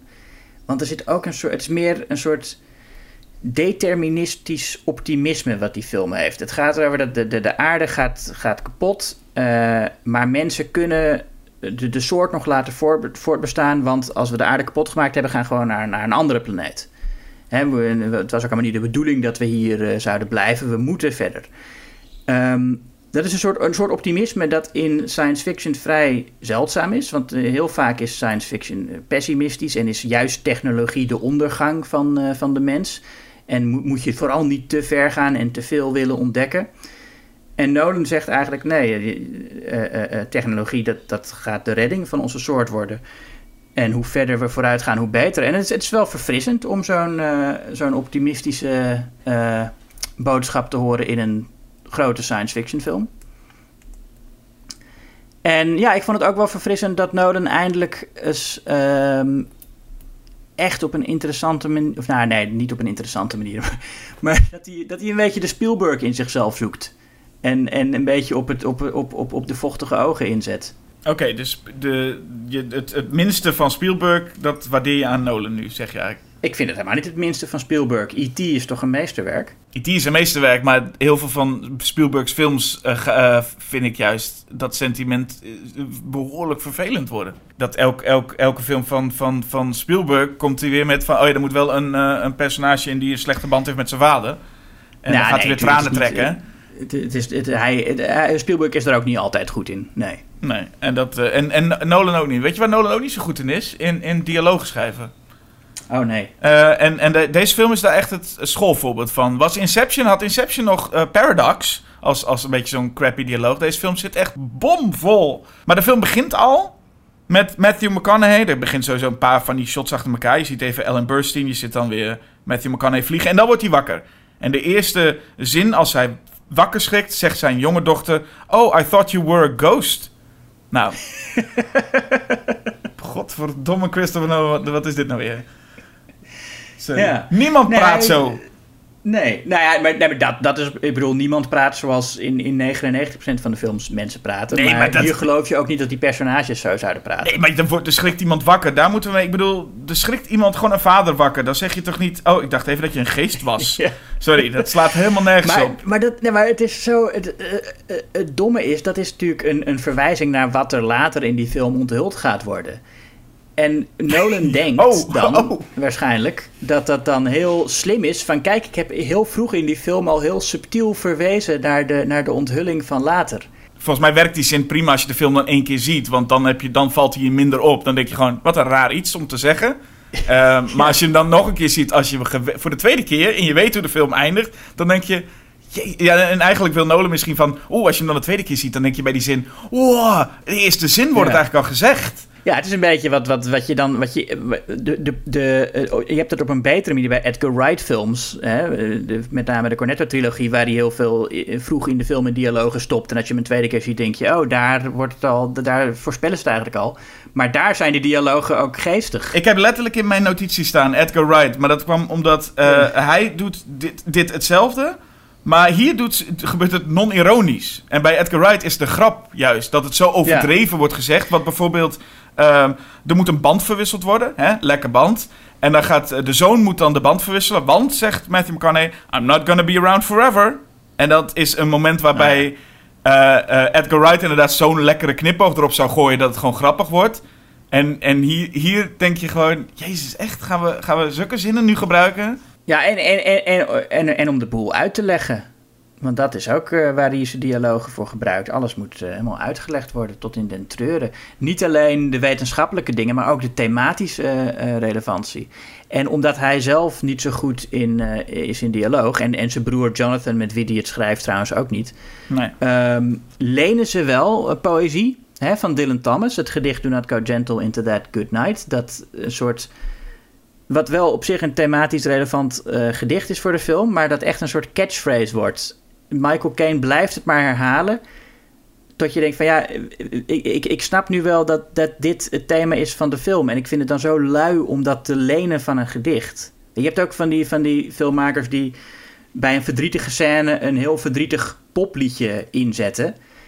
En dan, dan leen je emotie van dat liedje. Dan zit ik naar, naar een videoclip te kijken. En zo doen zij dat een beetje met Dylan Thomas. Nou, ik heb de rest van de dialogen van eh, Interstellar gehoord. Ik ben blij dat ze hier een gedicht hebben geleend. Ze hadden volgens mij beter eh, veel meer gedichten kunnen lenen, toch? Die vader die gaat met, met zijn met zoon met die lekke band. Ik blijf er nog even over doorgaan. Die lekke band wordt gemaakt. En dat is puur zodat die vader uit kan stappen, die dochter uit kan stappen. En dat dochter gaat vragen: Waarom hebben jullie me eigenlijk vernoemd naar de wet van Murphy? Dat is ook Ja. precies zo'n dialoog die je dan bij de, bij de bandlappen eh, die je dan hebt.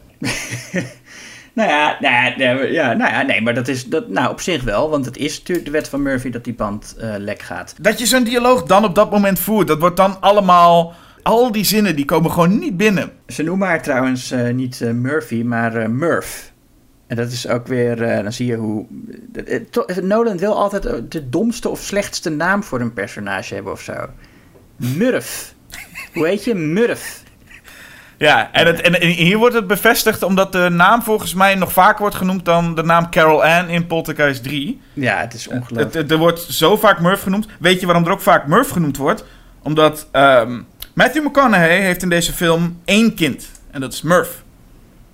Hij heeft geen andere kinderen.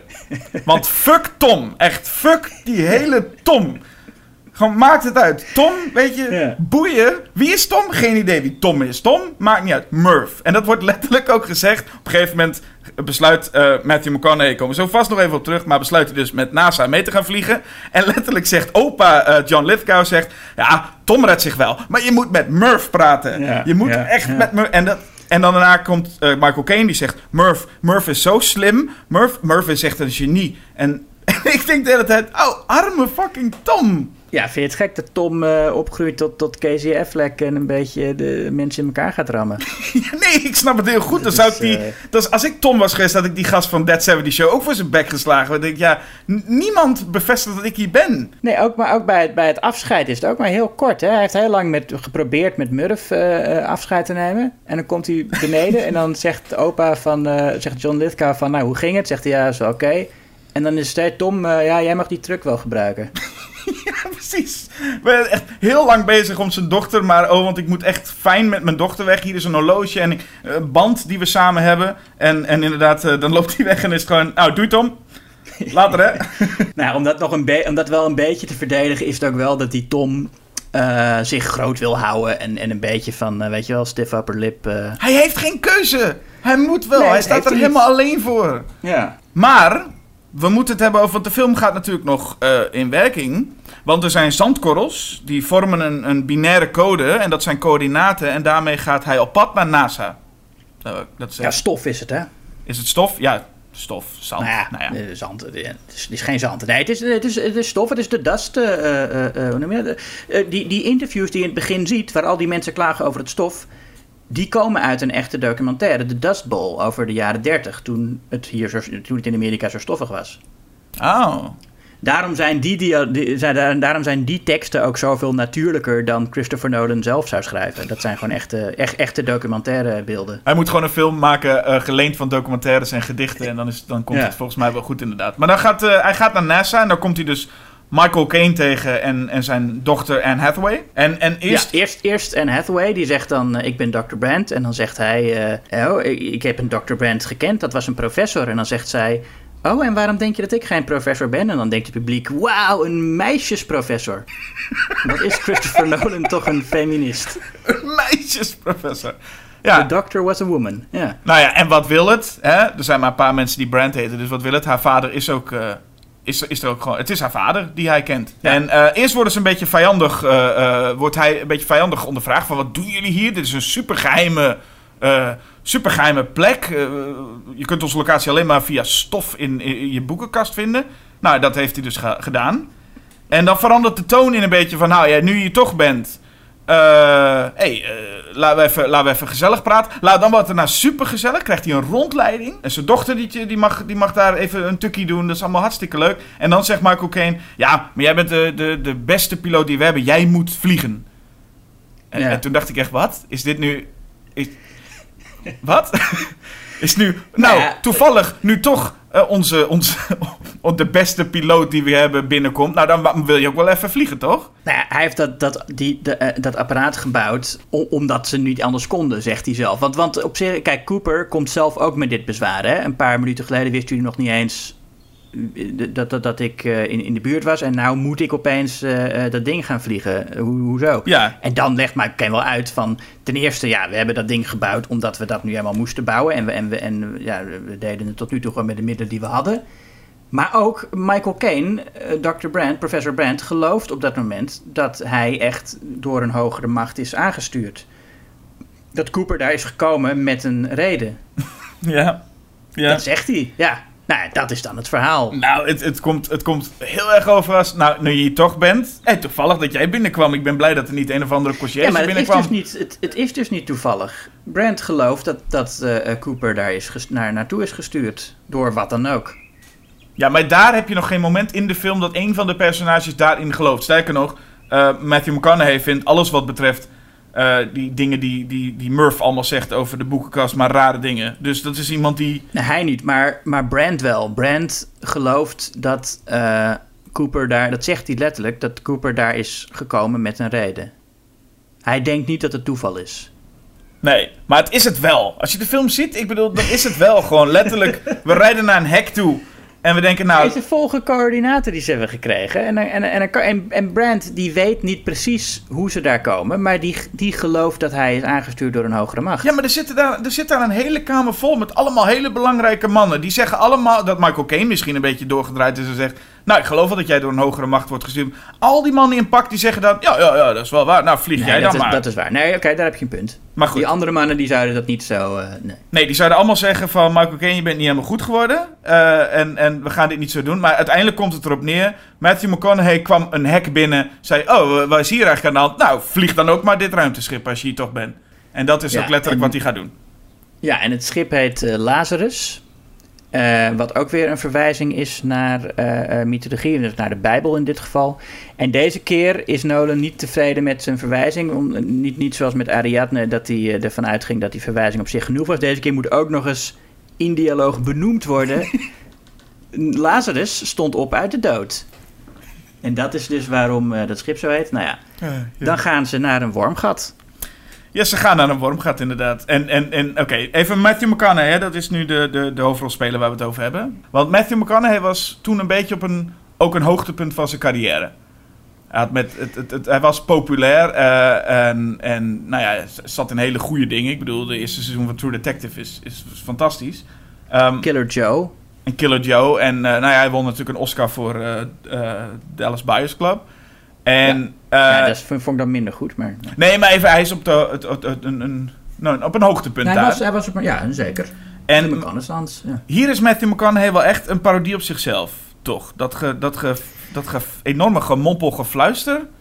Ik Het begint... nou, nee, ik, ik vind van niet. Ik vind, hem, ik vind hem hier nog steeds sterk. Het, is wel, het begint wel een beetje weer in verval te komen. Ik vind het wel jammer dat die, dat die McConaughey eh, eh, zeg maar zo kort heeft geduurd... dat die echt, die, die, die, die McConaughey zo kort heeft geduurd. Op een gegeven moment was het wel duidelijk... dat, dat, dat dat gewoon weer aan het vervallen was. Maar hier vind ik hem nog wel werken hoor. Ja, ik vind dat hij die dialogen van Nolan, ja, niemand trekt die dialoog van Nolan geloof ik in deze film. Iedereen komt er een beetje slechter uit. Maar ook, ook McConaughey die de hele tijd dat, dat, dat, dat, nou ja, dat, dat fluisterende eh, eh, eh, filosofische teksten, het, het past hem niet. Het past niet bij hem in ieder geval. Wat ik zelf heel geestig vond, is dus een, een man, ik weet even niet meer hoe die heet. De, de donkere man die meegaat op, op reis. Die zit daar en die is een beetje bang. Tijdens die... Die zit daar toch een beetje, hij is wel heel nerveus. Daar komt Matthew McConaughey naast hem, naast hem zitten. Hij ziet dat hij bang is. Hij zegt van ja, maar weet je, er zijn ook heel veel zeilers die niet kunnen zwemmen. Wij zijn ontdekkingsreizigers. En daarna geeft hij zijn oortjes met hier is mijn muziek en dan loopt hij weg. En ik dacht echt, zit die man dan nu echt... Wat, wat, wat? Zo blijft hij een beetje achter. Met, daar vroeg ik niet om. Ik ben gewoon, ben gewoon nerveus wat we gaan doen. Maar dan komt er wel iemand die... Het, het, bij zulke films is het altijd zo dat iemand is gewoon nerveus. En dan komt er iemand naast zitten en die heeft dan een paar hele rare zinnen. En dat moet dan heel geruststellend zijn. Ja. Maar je denkt toch vooral, wat? Waar, waar heb je het over? Maar goed, dat schijnbaar werkt dat in deze film heel veel. Ehm, ook uitleggen, hè? ook weer met wetenschappers, wat we zeiden. Wetenschappers gaan wetenschappers uitleggen hoe iets werkt. Dat zit hier ook heel veel in deze film. ja, hoe een wormgat werkt. Ja, en Ehm. hoe leg je dat uit, Julius? Eh, vertel. Nou, papiertje dubbel vouwen. En dan, en dan een pen er doorheen En jassen, dan toch? steek je er een pen doorheen, ja. Nou ja, ik moet zeggen, ik vind het wel een elegante uitleg. Is het heeft, heeft Nolan natuurlijk niet zelf bedacht, maar die, die werkt voor mij wel, die uitleg. Het is alleen stom dat, dat op dat moment in die film... Dat had misschien, als, kijk, als, als McConaughey dat, dat nou aan Murph had geleerd, eerder in de film... Ja, dan had het gekund, ja. Dan had het gekund, maar nu, op dat moment is het inderdaad raar dat dat zo uitgelegd wordt. ja. Maar goed, eh, we kunnen allemaal zeggen dat Matthew McConaughey rare, rare teksten heeft. Maar Anne Hathaway is degene die de prijs pakt voor, voor de meest belachelijke zinnen. Nou ja, dat vind ik wel. Kijk, eh, het is, de tekst is natuurlijk van de Nolans. En Ja, ja. ik moet zeggen, ik vind dat Anne Hathaway met die All You Need Is Love monoloog zich er behoorlijk sterk doorheen slaat. Ik vind dat zij die, die, die monoloog laat ze beter klinken dan eh, heel veel andere acteurs en actrices dat hadden gekund. Ik, ik, het is ook niet dat ik Blijft nu... een belachelijke monoloog. We hoeven Maar ook niet aan Hathaway. zij- eh, En, en, en Hathaway mag ook best wel bespaard blijven. Eh, eh, ze doet het niet goed wat mij betreft. Maar het is inderdaad niet dat alle schuld naar haar moet. Maar, Ik vind dat ze het heel goed doet. Met het materiaal wat ze krijgt. Ja, maar ja goed. Met dat, dat, dan, ik vind als- alsnog niet dat ze het goed doet. Ik vind alsnog dat ze het... Dat ze het, het komt heel slecht over. Ze, ze, ze landen op Ja, het een... komt slecht over omdat het domme tekst is. Ja, maar dat, dat, dat is wel een groot deel van... Ik bedoel, acteurs en dialogen, dat gaat wel heel erg samen. Daar be- beoordeel je ook wel iemand op. Niet dat je dan kan zeggen, het is een slechte eh, acteur. Maar als iemand hele slechte dialogen krijgt, dan zit je wel met een probleem. Ja, nee, maar goed, ik, nee, tuurlijk, het, het, wordt sowieso niet goed. Maar ik, ik vind dat zij eh, eh, dat heel knap speelt. Ik, ik vind dat, dat zij absoluut er, er goed uitkomt. Absoluut, maar als Anne, Maar- Hathaway, als Anne Hathaway was gecast als Lisa in, in The Room van Tommy Wiseau... was het niet dat we dan kunnen zeggen van... oh, wat is het toch een goede actrice. Dan hebben we ook gezegd van... oei, die gaat af als een gieter. Ja, nee, dat, maar goed. Maar ik, en trouwens, ik, moet, ik vind de actrice eh, die Lisa speelt in The Room ook een van de betere actrices uit die film. Misschien wel de beste. Maar ja, Maar goed, in ieder geval, ze gaan naar een planeet toe met alleen maar water. Want dat is, eh, het is een beetje eh, Star Wars, hè? Dat is ook een planeet vol met water. Het is gewoon één element. ja dat nou ja, dat weet ik niet. Of, er is niet gezegd dat die planeet alleen maar water is. Nou ja, ze dat is- zijn dat- op een plek waar heel veel water is, maar... Oké, maar ze, ze, want in ieder geval, ze komen naar beneden en dan is het, eh, zegt eh, Wes Bentley geloof ik, it's just water. En dan zegt Anne Hathaway, the stuff of life. Dat is ook zoals ik altijd reageer Ja. als ik water, als ik water Nou ja, zie. nee, kijk, als je, als je naar een andere planeet gaat en je wil kijken of daar leven mogelijk is, dan is het wel belangrijk dat er water is natuurlijk. Nee, ik snap het wel, maar die zin. Iemand zegt, oh, maar het is gewoon water. Dat klinkt als een normale zin wat iemand zou zeggen, dat je alleen maar water ziet. Dan zegt iemand... De, de, de letterlijk de reactie is, Ja, the stuff of life. Nou, sorry. En dan, eh, ja, dat, dat is op zich nog wel een, een, een mooi momentje. Ik vond ik die waterplaneet. eh, met Ja, die enorme vloedgolf die, de, die het hele beeld in beslag neemt in IMAX, in IMAX. Ehm, en ook, ook op een klein scherm neemt hij trouwens het hele beeld in beslag. Maar als je dat in IMAX ziet, dan komt er wel echt iets over je heen. En eh, eh, dit is dan de, Hoyte van Hoytema die dit vastlegt. Die het volgens mij nog beter is dan Wally Pfister. Ehm, ja, dat, is, dat vind ik wel echt prachtig hoor. En sowieso moet hij echt genoemd worden. Want hij maakt er zo'n mooie, spectaculaire film van. En zo eh, kleurrijk. Heel eh, mooie, heldere kleuren. Zeker voor, eh, voor, zo'n, voor een ruimtefilm is het best wel warm. Hè? Hij, maakt er best een warme film van. En enorme wide shots met heel kleine mensjes en heel kleine ruimtescheepjes in een enorme leegte. Ehm, dus visueel vind ik het echt heel sterk. Nou, is het, nou, nou moet ik wel zeggen, als we, dan, als we dan zeggen de dialogen zijn slecht, dan krijgt Christopher Nolan de schuld. Ik denk wel dat we Christopher Nolan ook echt props moeten geven, ook voor het visuele vlak. Want je ziet wel echt dat Interstellar en Inception op soortgelijke manieren, de shots en zo, je voelt wel dat Ja. Nolan daar ook wel deels verantwoordelijk voor is. Dus die, wat, ja, nee, absoluut. wat er goed is, is ook zeker props voor Nolan dan. Anders Ja. zijn we die man alleen maar aan het afkraken hier ook. Nee, en ik, ik ben Interstellar ook echt aan het verdedigen. Want ik vind het... eh, ehm, ja, het, ik vind het... Het is geen goede film, maar hij is, ik vind hem wel goed. ik, ik vind vooral, eh, dan is het een spannende scène met die vloedgolf. Eh, eh, en dan is er op een gegeven moment een soort van actiescène. Ik vind het een beetje jammer dat Anne Hathaway en Matthew McConaughey zo van de lullen weer zijn als ze helemaal in het schip zitten. Maar dan is er een beetje een actiemoment dat ze weer wegvliegen. Net op tijd vliegen ze weg. En dan eindigt ze met dat shot van een dode West Bentley die dan drijft in het water. En dat is vooral heel komisch. Ik had niet Nou, idee dat het komisch ja, bedoeld was. Ja, maar dan valt ineens de muziek weg. Het is een soort van uit een keiharde actiescène vliegen ze weg. Je hoort zoef. En dan zie je nog even hem zo. Ik miste alleen nog een geluid van één zo'n meeuw die even zo, zo kraaide daar. Het is, het is wel heel duidelijk. Nou ja, goed, ik wist niet hoe ik die scène moest opvatten. maar, want wederom, ja, Christopher Nolan het zal wel geen humor zijn, want die heeft. Christopher Nolan heeft niet echt humor. Ehm, De robots wel. Ja, eh, en, en, maar dat, zelfs dat wordt dan ook weer in een percentage uitgedrukt. Van, mijn humor staat op 75% of zo. Ik, weet niet wat dat dan betekent. En aan het einde is het ook, dan, dan is, is Matthew McConaughey... Spring ik even naar, helemaal naar het einde van de film... dat McConaughey eh, eh, zo'n ding opnieuw moet instellen. En dan zit hij ook die levels bij te werken, 60% humor. En dan zegt hij honesty 95%. Dus die robot moet dan 5% van de tijd liegen? Of steeds maar 95% van de waarheid vertellen? Of, Ja, de robot mag af en toe, en dat is volgens mij wel naar eigen inzicht, mag de robot, of kan de robot zeggen: Ik ga nu even de waarheid niet zeggen. Want soms is het beter om niet volledig is de waarheid te maar ja, spreken. maar dat, is dat... Dat zegt, dat zegt de robot, dat legt hij uit als, hij dat, Oh, als, als oké, Matthew oh, nee, McConaughey nee, dat dan vraagt. dat, eh. Die vraagt aan de robot van waarom, waarom zou je dit doen? En dan zegt de robot van ja, soms hebben de mensen juist geen, niet de waarheid Ah, nodig. Nee, dan heb ik dat gemist. zich, dat kunnen de robots wel. Het enige wat wel nog even uitgelegd wordt, en dat voelt ook zo'n momentje als dat, dat even erin geschreven moest worden. Want eh, waarom kun je niet gewoon die robots sturen? Waarom moeten de mensen naartoe? En dat vraagt op een gegeven moment iemand aan Matthew. Of nee, Matthew McConaughey vraagt dat volgens mij ergens. En dan wordt er wel even gezegd dat ja, de robots hebben geen angst voor de dood. En daarom kunnen we ze niet alleen sturen. Want verder kunnen die robots echt fucking Ja. veel. Maar dat is de enige reden waarom ze niet gewoon puur robots er naartoe kunnen sturen. Is robots hebben geen angst voor de dood. En dat kunnen ze niet programmeren. Humor wel en zo. Ja, nee, dat is ook onzin. Je kan toch best programmeren dat een robot eh, eh, niet kapot wil? Ja, ik zou, ik zou zeggen van wel. Als ik zie wat die robots allemaal kunnen, denk ik, dat dat had ook... eh, sleutel nog even door in die robots en stuur die dan gewoon pa- op, de ruimte in. Maar Ja, goed. Nou ja, we zijn 23 jaar later, hè? Want de, dat, de, de vliegt, de tijd vliegt. 27 jaar is het toch? Volgens mij 23. Oh, Maar- eh, ik- Maakt niet uit. De, we zijn een, ja, een aantal jaren verder. We zijn een aantal jaren verder. Dat, eh, dat zie je op de aarde, behalve aan Michael Caine. Ja, die hebben ze iets...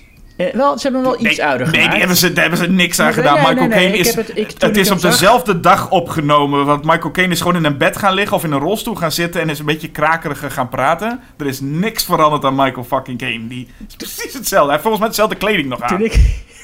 nee, hij heeft ook op zo'n, op zo'n planeet ge- gezeten waar de tijd eh, anders gaat. Ja, wat... Nee, Je hebt, je hebt zoveel effecten en zoveel budget. En dan heb je niet de mogelijkheid om Michael Caine iets ouder uit te laten zien. ik heb hem net gezien, die film, een paar uur geleden.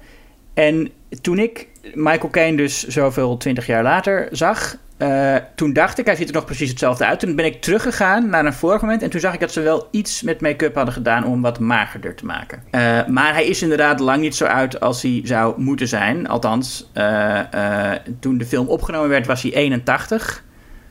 Nou, laten we zeggen dat het personage dan achter in de 70 is of zo. Hè, we- ge- geven we ze nog. Dan zou die tegen de 100 moeten zijn in, eh, als, hij, als hij in die rolstoel zit met Jessica Chastain. En zo ziet hij er inderdaad niet uit. Nee. En ik, maar ik vroeg me gewoon letterlijk af, waarom, dat kan toch gewoon? Ik bedoel, de technieken zijn er zeker toen. eh, ook waren die technieken er echt wel om iemand echt flink ouder te maken. Waarom men er dan voor kiest. Oh, Michael Caine had er geen zin in. Dan zeg je, ja, dat- sorry eh, Chris, dat ga ik niet doen. Nee, maar ze hebben, ze hebben dus wel echt make-up op hem gedaan. Maar eh, Ja, maar dan moet, als wij dat nu zien, dan had, iedereen had daar toch kunnen zien van, nou, hij ziet er niet echt ouder uit. hè. De man moet dus inderdaad iets van 100 zijn, hè? ja, of ouder, als, als het 27 jaar is, wat ik me herinner, dan zou die boven de Nou ja. 100 zijn. Hij moet in ieder geval ergens rond de 100 Ja. zijn. Nou, dan is het toch, er is toch niemand die zegt van, eh, eh, dat, dat na vijf minuten de make-up, dat hij omdraait en dat iedereen zegt, nou, je bent net 100? Nee, niemand. Nee. Niemand. Maar goed, ik dacht ook, waarom heb je Michael Caine nog nodig? Maar je hebt Michael Caine nodig om uit te leggen dat, eh, ja, dat hij eigenlijk... dat, dat hij eigenlijk een beetje... Ja, of is, is hij de bad guy? Niet helemaal misschien, maar hij, is, Nou hij heeft wel... dat, dat is, dat, nu komt dus wat ik eh, een van de interessantste ideeën vind in, in, in deze film. Die, eh, die, de film heeft heel veel grote ideeën en is heel ambitieus met al die ideeën. En de meeste zijn niet heel interessant. Maar dit vind ik nog wel een interessant idee. Dat die man die heeft dus gelogen tegen eh, eh, Cooper en de rest van de crew. Dat zij terug zouden komen en de andere aardlingen mee zouden nemen naar de nieuwe planeet. En dat, maar dat blijkt dat hij dat helemaal niet van plan was en dat het onmogelijk zou zijn. En de enige reden eh, eh, dat hij dat niet verteld heeft, was omdat hij wist dat ze dan niet zouden gaan. Dus hij heeft, om de hele mensheid te redden, heeft hij, heeft hij zijn eigen bemanning, zeg maar, hun, eh, hun, hun leven afgenomen, zou je kunnen zeggen. Nou, dat is op zich, een, vind ik, een aardig idee, toch? Een aardig moreel dilemma wat je dan hebt. En, en, en die film gaat er dan dat ook nog eens uitleggen. Hè? Matt Damon komt dan, een verrassings Matt Damon.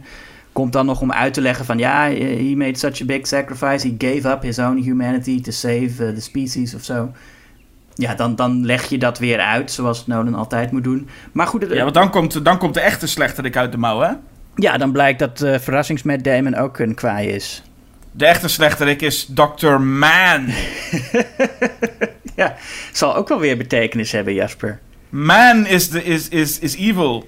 Ja, maar, ja, nee, maar, maar ook dat is, hij is niet eens echt evil. Hij wil gewoon, hij wil gewoon, eh, hij is gek geworden van de eenzaamheid en hij wil gewoon dat ze blijven. Je ziet hem zelfs nog, dat vind ik nou ook wel weer mooi, dat hij, dat hij Matthew McConaughey probeert te vermoorden, maar dan terwijl hij doodgaat hem nog probeert gerust te stellen. Ja, maar als, als je zegt hij is doorgedraaid, dan zou je dat aan hem moeten zien. Hij reageert overal zo normaal op, maar dan ineens heeft hij is gewoon een evil plannetje. Hij, hij rukt die microfoon af. Als, als hij echt doorgedraaid was, had hij hele rare dingen gedaan. Nou, had hij er niet goed over niet, nagedacht. je weet niet wat zoveel jaar eenzaamheid met je doet. Nee, dat weet ik niet. Ik denk, ik weet niet, ik, weet, maar nee, ik, ik, ik, ik accepteer het wel, dat hij... eh, eh, Anne Hathaway, eh, Anne Hathaway accepteert het in ieder geval niet. En zegt dan ook, de prachtige tweede mooie dialoogzin van haar is... eh, is But the lie, that monstrous lie. Nou, echt, ze legt nog net niet de hand op de voorhoofd als ze dat zegt. Nee, maar dat, dat zegt ze over, over, over Michael Caine, over Dr. Brand. Het is, een, het is een verschrikkelijke zin, Julius. Verschrikkelijk, echt waar. Ja. Het is, het is, het is zoveel erger dan Joseph Gordon-Levitt die Paradox Nou, zegt. nee, dat, dat vind ik echt niet. Er zit niks in deze film dat zo erg is als Joseph Gordon-Levitt die Paradox zegt. But the lie, that monstrous lie. Letterlijk zegt ze dat. ja, nou, en dat, is, sorry. dat, is, dat kan toch? Het is melodrama. Het is een, het is een melodrama. Ja, het is, melo het is melodrama. Ja, dat is een respectabel genre. Oké, oké. Maar goed, ehm, ondertussen is ook Tom evil. En we zeiden net al dat het waarschijnlijk logisch is dat Tom evil is... omdat hij gewoon de hele film genegeerd wordt door zijn vader. Iedereen eigenlijk. Maar hij komt binnen. Tover Grace wil met eh, de, de oudere Murph dus eigenlijk zijn gezin redden. En hij is ineens zo'n soort van heel billy. Die zegt van, hé, hey, ik wil niet uit mijn huis uit en wat doen jullie hier? En ik snapte helemaal niet waarom, waarom Tom ineens deze rol heeft gekregen.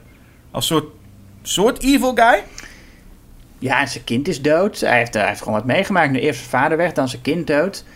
Ik denk dat hij ook nog niet helemaal... Kijk, hij hield zich wel groot op dat laatste moment. Maar je ziet hier dat hij eigenlijk helemaal niet zo, zo, zo stoer was als hij zich voordeed.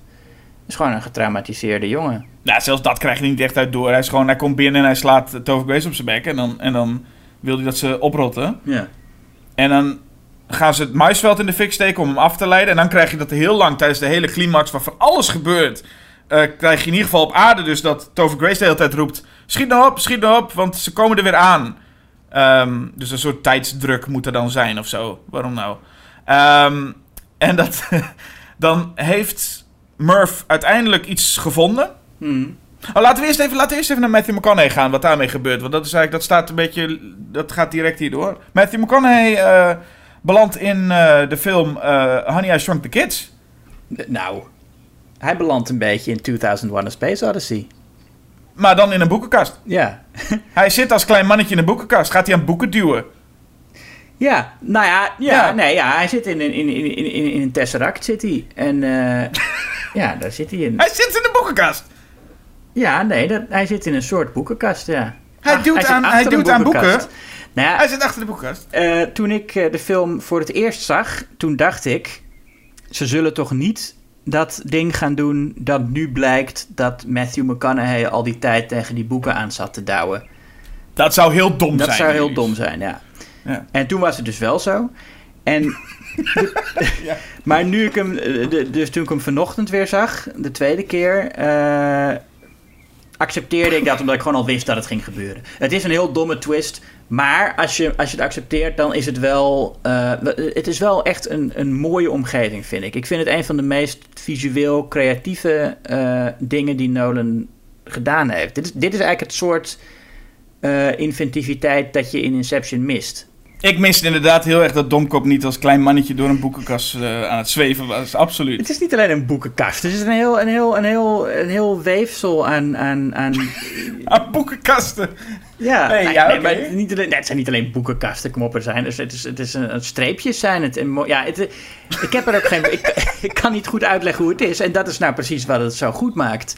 Die omgeving. Het is een, een vierdimensionale omgeving. Waar die in zit, zogenaamd. En, en, maar wel driedimensionaal weergegeven. Nou, ik vind, het- ik vind het wel mooi gedaan. Ja, oké. Nee, de een ziet is iets heel moois inderdaad. En ja, ik snap, ik snap je argument als je zegt... Ja, als je, als je het accepteert, dan, dan, dan kun je het wel accepteren. Maar als je het niet accepteert, dan zie je een kleine Matthew McConaughey... die door een boekenkast kijkt naar, zijn, eh, naar zichzelf en naar zijn dochter... en de hele tijd Murph, Murph, Murph roept. Ja. Ehm, en dan op een of andere manier... Maar dat is, eh, dat is ook een, het is wel, wel gewoon echt een effectief sentimenteel moment hoor. Dat je ziet hoe je zelf weggaat bij je dochter. En dat je zelf je dochter uit ziet worden zonder jou.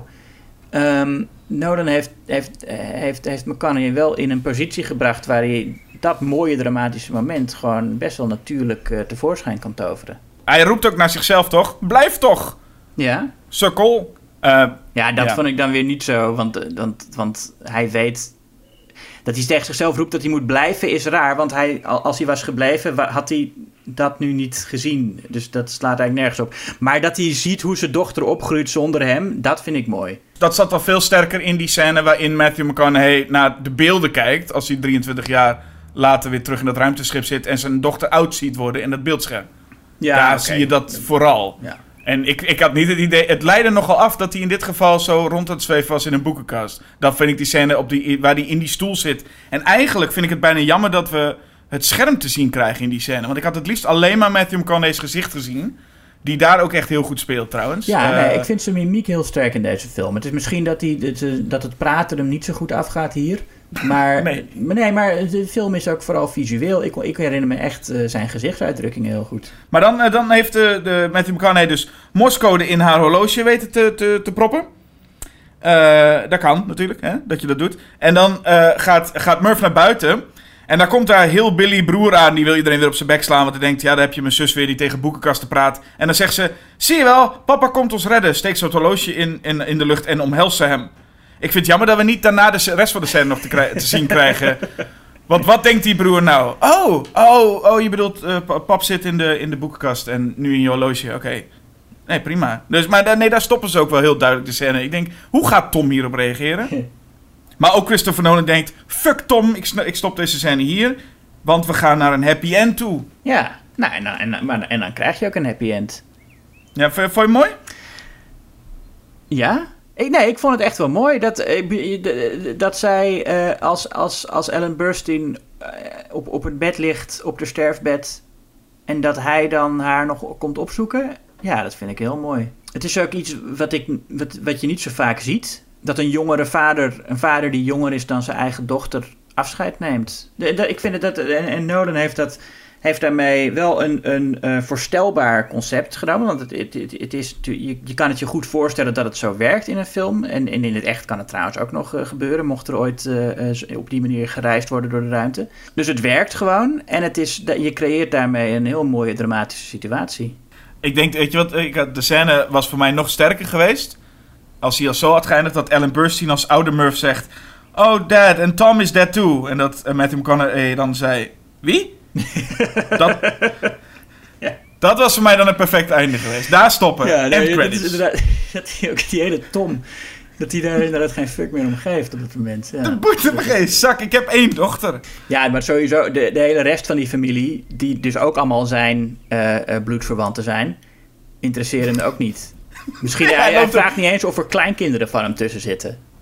Nee, hij loopt ook die kamer binnen. Er staat helemaal familie. Ik denk die hele familie weet waarschijnlijk toch wel... Nu komt haar vader er nog weer bij. Ja, dat weten Dus ik ze. denk iedereen zou dan helemaal zitten van... Wauw, maar ze kijken niet eens om zo ongeveer. ze en- hebben gewoon zoiets van... Oh, daar heb je hem. Nee, en hij, leuk. nou ja, goed, ze gaan natuurlijk wel, ze, ze weten natuurlijk wel van hij is hier voor zijn dochter en, en hij kent haar en wij zijn oké. Maar je zou inderdaad je kunnen voorstellen dat ze tenminste nog zich even voorstellen aan hem of hij aan hun. Ja. Ja, zoiets, ja. Maar hij loopt volgens mij ook letterlijk gewoon... Zij zegt, ja, geen enkel... eh, eh, Ouder zou zijn kind moeten zien sterven. Nee, dus eh, ik, heb, ik, heb, ik heb nu familie, dus, eh, dus eh, ga maar weer. En dan gaat hij. En ik vind het ook wel raar dat zij dan zegt... Jij ga maar Brand zoeken. Alsof zij heel erg door had hoe die relatie tussen hem en, en die dochter van de professor waar zij iets van kent. Hoe zij dat nou... Ja, Nolan maakt dat heel sentimenteel. Maar ze- ik vond zelfs dat tussen Matthew McConaughey en Anne Hathaway niet eens heel erg een chemie was. Laat staan dat Murph dat zou weten. Nou, ze weet niet dat er chemie is, maar ze weet wel dat ze samen die missie hebben gedaan. En, en dat Brand inmiddels eh, op, op, op een planeet zit waar leven mogelijk is. Ja, maar dat het op haar sterfbed, haar laatste zin tegen haar vader wordt van... Ga toch lekker op zoek naar Brand, joh. Ja. Die wacht op jou. Dat, dat voelde niet helemaal alsof dat daar het sentiment zou moeten eindigen. Voor mij hadden de dochter en vader... Oké, daar kan nog een hoogtepunt zitten. Maar dat, daar nog, dat we nog sentimenteel moesten worden met... Oh, Ja, nee, die scène, dat toch is wel waar. Die scène is niet helemaal goed uitgewerkt, hè? Dat had eigenlijk hadden natuurlijk iemand anders. Ik bedoel, de, de mensen die hem, die hem wakker maakten, hadden tegen hem kunnen zeggen: van Brand zit daar. En als hij bij zijn dochter is, moet hij inderdaad moet het daarover gaan. Ja. Ja, maar Anne Hathaway is toch... Het, laatste shot is Anne Hathaway. Of ja, eigenlijk een soort... ja, die zit op een andere planeet. Ja, nou ja, maar dat is toch ook goed? Dat is toch een goed laatste shot? Dat, ze dat we eindigen bij Anne Hathaway? Dat zij daar met die. Nou ja, we eindigen bij Anne- Hathaway omdat zij begonnen is met de kolonisering. En dus we eindigen eigenlijk bij de toekomst van de mens. Nou, dat is dan wel weer mooi, hè? Ja, en, en, maar goed, en dat is, ik vind, kijk, Interstellar is een ontzettend eh potsierlijke, belachelijke film. Maar ik vind hem gewoon op, op genoeg momenten werken. Ik vind het sentiment en de tranentrekkerij eh, wel echt beter werken dan ik me kon herinneren. Het, en het, het, het past Nolan ook goed. Het past hem beter dan al die pseudo-intellectuele onzin die er ook in zit. Die ook in Inter- Interstellar zit, zeker. Ja, die ook in Interstellar zit, ja. Ik, ik denk Ja. als, hij nou, als hij nou dat gaat doen, als hij gewoon grote blockbusters maakt met een hoop goedkoop sentiment en, en, en een paar interessante ideeën erin. Want op zich, hij heeft, hij heeft wel echt soms heel interessante ideeën, maar het is zo jammer dat hij ze zo vaak doodslaat door ze uit te leggen en, en heel letterlijk te maken. En er zitten wel meer, ik bedoel, er zijn meer dingen waar, waar, waar Nolan dus vooral in trapt. Ik bedoel, het feit dat zijn personages vaak niet zo heel bijzonder zijn. Of soms gewoon echt letterlijk heel saai. Ja. Eh, het feit dat hij eigenlijk geen gevoel voor humor heeft. Althans, als, het, als hij humor wil doen, dan lijkt het als een robot die humor probeert toe te passen. En niet helemaal weet hoe het werkt. ja. Eh, eh, er zijn heel veel dingen waar Nolan in ieder geval, die uitleggerigheid, dat, dat, dat zijn gewoon valkuilen waar Nolan heel erg in trapt. Maar, Steeds, en, maar, maar en niet altijd. Ik bedoel, als je kijkt naar Memento, wat eigenlijk een veel interessantere film is over de geest dan Inception. En, en een film die ook echt begrip lijkt te hebben van hoe raar de menselijke geest is. En dat wat je je herinnert helemaal niet letterlijk waar is. Daar gaat Memento over. Over, over de onbetrouwbaarheid van je, van je geest. Hmm. En dat is daar, vind ik daar echt een intelligente film over. En dat je dan jaren later in Inception de menselijke geest verletterlijk tot een computerspelletje. Ja, hoewel ik moet zeggen, Memento, die was, eh, dat was de nummer 1 van de top 10 van Schokkend Nieuws. Daar was Ja. ik het niet zelf helemaal mee eens. Hm. Eh, ik moet zeggen dat ik Memento teruggekeken had en dacht, een leuk trucje van het achteruitspoelen van je... Maar ik vond ook Memento in wezen eigenlijk maar vrij saaie, een saaie film. Oh ja? Oh, ik niet. Hele vrij kleurloze personages, vrij saai qua eh, uitvoering. Eigenlijk ook als je de film andersom zou zien, zou je echt denken: wat is dit voor een, een hele Ja, inwisselbare maar, ja, dat, film. maar dat is natuurlijk, dat kun je over elke film zeggen. Als je de scènes in andere volgorde zou zetten, zou die niet werken. Nee, want deze film, gewoon het werkt. verhaal aan zich. Het verhaal aan zich. Het is een heel is- eenvoudig plot. Als je hem vooruit spoelt, dan is er eh, vooruit kijkt, dan is het super eenvoudig. Maar dat Ja. maakt juist dat het goed werkt. Nou ja, goed. Maar we zijn hier gelukkig ook niet om eh, Memento te, te, te bespreken. Nee, maar, nee, maar wel Nolan in het algemeen. Dus ik, zou, ik ben wel benieuwd wat, je, wat jouw nummer 1 is. Eh, voor mij is The Prestige de beste Nolan film. Nou, voor mij ook. Ik denk dat The Prestige is gewoon iets meer, dit is wat het is. Het is iets kleurrijker en speelser. Ook belachelijk, maar wel Ja. met dat ik gevoel heb van, Nee, ook- hier klopt het of zo. Ja, het is klopt inderdaad dat het Prestige ook is. ontzettend belachelijk. En ook met twists die je ver van tevoren aan ziet komen. Maar het is wel een film, en dat vind ik het interessante eraan, dat het eh goochelen is een beetje de meest technische kunstvorm die er is. Of in elk geval de kunstvorm die ook het meest afhankelijk is van techniek. Eh, ik weet niet of dat helemaal waar is wat ik zeg, maar dat zeg ik gewoon. En, en dat zo'n technisch regisseur als Nolan juist bij zo'n technische kunstvorm een soort speelsheid vindt. Ja, en ik merk toch dat als inderdaad Nolan speels is, dan gaat hij misschien ook wel eens de mist in. Maar hij is altijd het beste als hij wel speels is, dan als hij dat niet is. En bijvoorbeeld Dunkirk is zijn minst speelse film, geloof ik. Ja. En is ook wel een van zijn slechtste. Want daarin zie ik echt niks waarvan ik denk, wauw. Dat Dunkirk was voor mij echt een soort van...